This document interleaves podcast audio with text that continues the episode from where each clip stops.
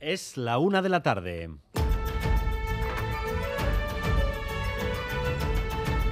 Crónica de Euskadi con Dani Álvarez.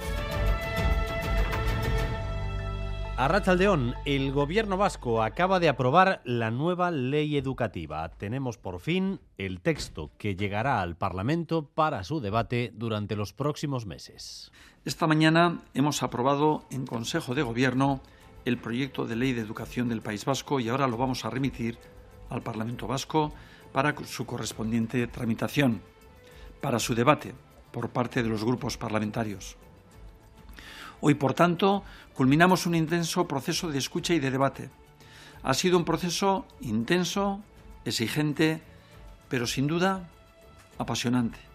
Les confieso que para mí, como consejero y para todo mi equipo, es un día verdaderamente especial. En ese texto, Natalia Serrano, además de los compromisos contra la segregación, para someter a la mayoría de centros concertados a las mismas reglas que la escuela pública y exigir un B2 de euskera y castellano al final de la ESO, hay que decir que persisten los modelos A, B y D. Sí, persisten, ha insistido en ello mucho el consejero Vildarrach, que todavía comparece en estos momentos explicando el anteproyecto de ley. El sistema educativo vasco en este anteproyecto se refleja como un marco plurilingüe articulado en torno al euskera. Se mantienen los modelos. Cualquier familia puede elegir el modelo en el que educa a su hijo o a su hija porque esto depende de otra ley, la del euskera, y ahora el anteproyecto lo que fija es una salida de nivel de conocimiento en la ESO. Habrá que obtener, se esté en el modelo que se esté, un B2 para euskera y castellano al acabar la ESO. Por lo demás, esta ley se fundamenta en el sistema educativo vasco con centros públicos, privados concertados que estén financiados por fondos públicos. Pasan a estar todos regulados en el Servicio Público Vasco de Educación. Así que el anteproyecto garantiza la gratuidad de la enseñanza. Enseguida les damos las claves de ese proyecto que se acaba de aprobar en el Consejo de Gobierno de hoy. Además, un grupo de presos de ETA inicia una protesta en varias cárceles vascas. Son alrededor de una decena. Fermín Alberdi. Según acaba de comunicar fuentes penitenciarias, el preso de ETA en Zaballa, Garicoitz Echeverría, que inició esa protesta, ha comunicado su decisión de abandonarla. El origen está en que en Zaballa cuando llegó no había celdas individuales y comenzó la protesta por ser destinado a una celda doble. Se había extendido esa huelga de hambre en distintos momentos a nueve reclusos más. Dos de ellos en Basauri habían terminado su protesta en 24 horas y otros seis en Zaballa y uno en Pamplona seguían eh, esta huelga en solidaridad con Garicoiz Echeverría que como comentábamos ha decidido comunicar a la prisión de Zaballa que abandona la huelga de hambre. El restaurante bilbaíno, gemelo del que se incendió en Madrid causando la muerte a dos personas y heridas graves a una decena, retira parte de la decoración que alimentó el fuego. Xavi Segovia, adelante. Sí, a Rachaldeón dentro de unos minutos, a la una y media está previsto que abra este restaurante Burro Canaglia, cuyo local en Madrid sufría un importante incendio el viernes pasado, provocando la muerte a dos personas, entre ellas a una joven de Guecho. A primera hora de la mañana, un grupo de operarios y de trabajadores de este local en Bilbao retiraba parte de las plantas que decoran el techo y también la entrada de este local y que podrían ser las causantes de la rápida propagación del fuego en el restaurante de Madrid. El Ayuntamiento de Bilbao tiene previsto en breve someter a una inspección a este este local en la capital vizcaína. Llevamos ocho años seguidos batiendo en Europa récords de temperaturas y todo parece indicar que este año seguiremos esa curva ascendente.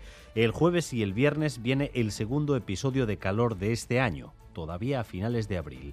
El norte del país va a ser uno de los pocos refugios meteorológicos de la península. Ander López Lerena. Sí, el dicho abril aguas mil va a tiempo de quedarse caduco y es que si ustedes han visto la previsión para este próximo jueves y viernes se habrán dado cuenta de que los termómetros van a superar holgadamente los 25 grados, aproximándose a los 30 en zonas de Araba y sur de Navarra. Es parte de la ola de calor que nos va a acompañar durante dos días en Euskadi que afectará toda la península ibérica, aunque en la costa el viento norte dará cierto respiro al calor. Onitze Salazar de Euskalmet. El viento del norte, que esperamos que entre a lo largo de esta semana todos los días, pues va a frenar ese ascenso de las temperaturas. Hacia el interior de Vizcaya y Guipúzcoa esperamos pues eh, unos 26, 27 de máxima y donde más va a subir la temperatura sí que va a ser en la zona de Álava, centro. No es la primera vez del año, se acordarán que dimos la bienvenida al año 2023 en pantalón corto y que a principios de abril tuvimos otro episodio de calor. Aún así, los más de 25 grados para este jueves son totalmente anómalos para la época y es que según apuntaba la meteoróloga es evidente que los días de calor cada vez son más frecuentes fuera del verano. El problema es sobre todo la tendencia, ¿no? Como con el cambio climático, pues el verano se alarga, el calor empieza antes y termina más tarde y, lo estamos ya, digamos, eh, constatando, ¿no? Los últimos años cada vez eh, vamos notando más que el calor llega antes, llega de manera más intensa.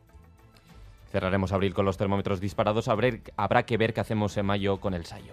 El sur de España y Portugal miran con mucha preocupación a la ausencia de lluvias por los efectos medioambientales y también por los efectos económicos que nos van a golpear en varios ámbitos. Rodrigo Manero. Sí, empezando por la agricultura que consume el 75% de los recursos hídricos. Si no van a poder regar, algunas explotaciones ya se están planteando retrasar o suspender el cultivo de algunos productos. Pimientos, brócoli, tomates, melones o naranjas escasearán y subirán de precio, agravando aún más el problema de la inflación. El turismo también teme las restricciones de cara a un verano en el que esperan un nuevo récord de visitantes extranjeros, porque los embalses del sur y del levante están a un 30% de su capacidad habitual.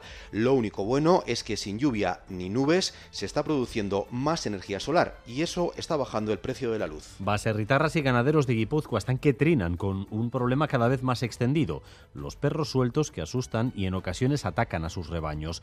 Pero ese enfado se ha disparado al conocerse que la semana pasada el dueño de un perro agredió brutalmente a un pastor hasta el punto que lo tuvieron que hospitalizar los dos protagonistas se han denunciado mutuamente por agresión. Asiero Driozola. Este ha sido un caso que ha traspasado toda raya roja, pero el problema de los perros sueltos y la afección en el ganado está bastante extendido. Los baserritarras piden que se haga cumplir la normativa foral, ante lo que la Diputación responde que los forestales no pueden estar en todas partes al mismo tiempo. Las consecuencias para los ganaderos pueden ser devastadoras. Nos lo comparte amargamente Maixol, ganadera de Oñati el problema es que tú estás todo el año esperando a que esa yegua tenga un parto y tú con ese potro pues sacar el beneficio que tengas que sacar y un perro en un cuarto de hora te fastidie ya todo.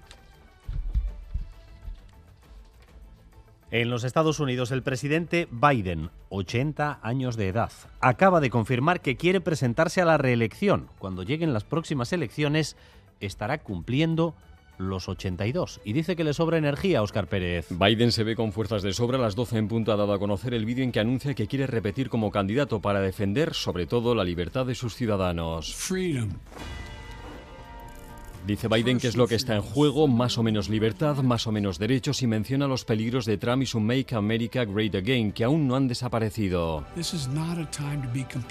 No es tiempo de ser complacientes, dice Biden en el vídeo de tres minutos en que también aparece a menudo Kamala Harris dando a entender su intención de repetir el ticket como candidata a la vicepresidencia. Biden tiene por delante un camino expedito para repetir como candidato demócrata con unas primarias a medida y sin que haya ninguna figura en su partido que le pueda hacer sombra. Mañana se cumple cumplen 86 años del bombardeo de Guernica y esta misma tarde se inaugura en el Museo de la Paz la exposición El bombardeo de las letras vascas, una exposición que pretende dar a conocer la larga sombra de la censura franquista y posfranquista en la cultura. Y hablando de cultura, en el barrio de San Francisco vamos a tener durante los meses de verano un gran plató. Se va a grabar una serie basada en la saga del detective Touré de John Arreche. De momento, se busca a 1.500 figurantes negros preferentemente del barrio. Desde esta mañana están haciendo el casting. Pues me parece perfecto, a veces sí dan un poquito de trabajo y salida a la gente. De Guinea Ecuatorial, Jamaica. Costa de Marfil, es la primera vez. Te aprovecha otra experiencia. Hago de un detective y eso es lo que más me gusta. ¿Cómo te llamas? Kumba. Pues a ver si tienes suerte. ¿Vives aquí en el barrio? Sí. Y vamos también con lo más destacado del deporte, porque esta noche empieza otra jornada de liga, no hay freno y casi todo está en juego todavía. Álvaro Fernández Cadierno, Arracha León. Hola, Arracha León, dos partidazos, siete y media de la tarde en el Mirandilla, nuevo Mirandilla, Cádiz Osasuna y a las 10 en el Villamarín ese Betis Real Sociedad con la Champions en juego. También se disputa el Girona Real Madrid. En ciclismo comienza el Tour de Romandía y en baloncesto dos salidas confirmadas. Ana Montañana técnica de Lointe Guernica se marcha y también la de la norteamericana de Cuchabán, Karaski, Tanoya Atkinson. Gracias un día más por elegir Radio Euskadi y Radio Vitoria para informarse. Raúl González y José Ignacio Revuelta se encargan de la dirección técnica, a Itiber Bilbao de la coordinación.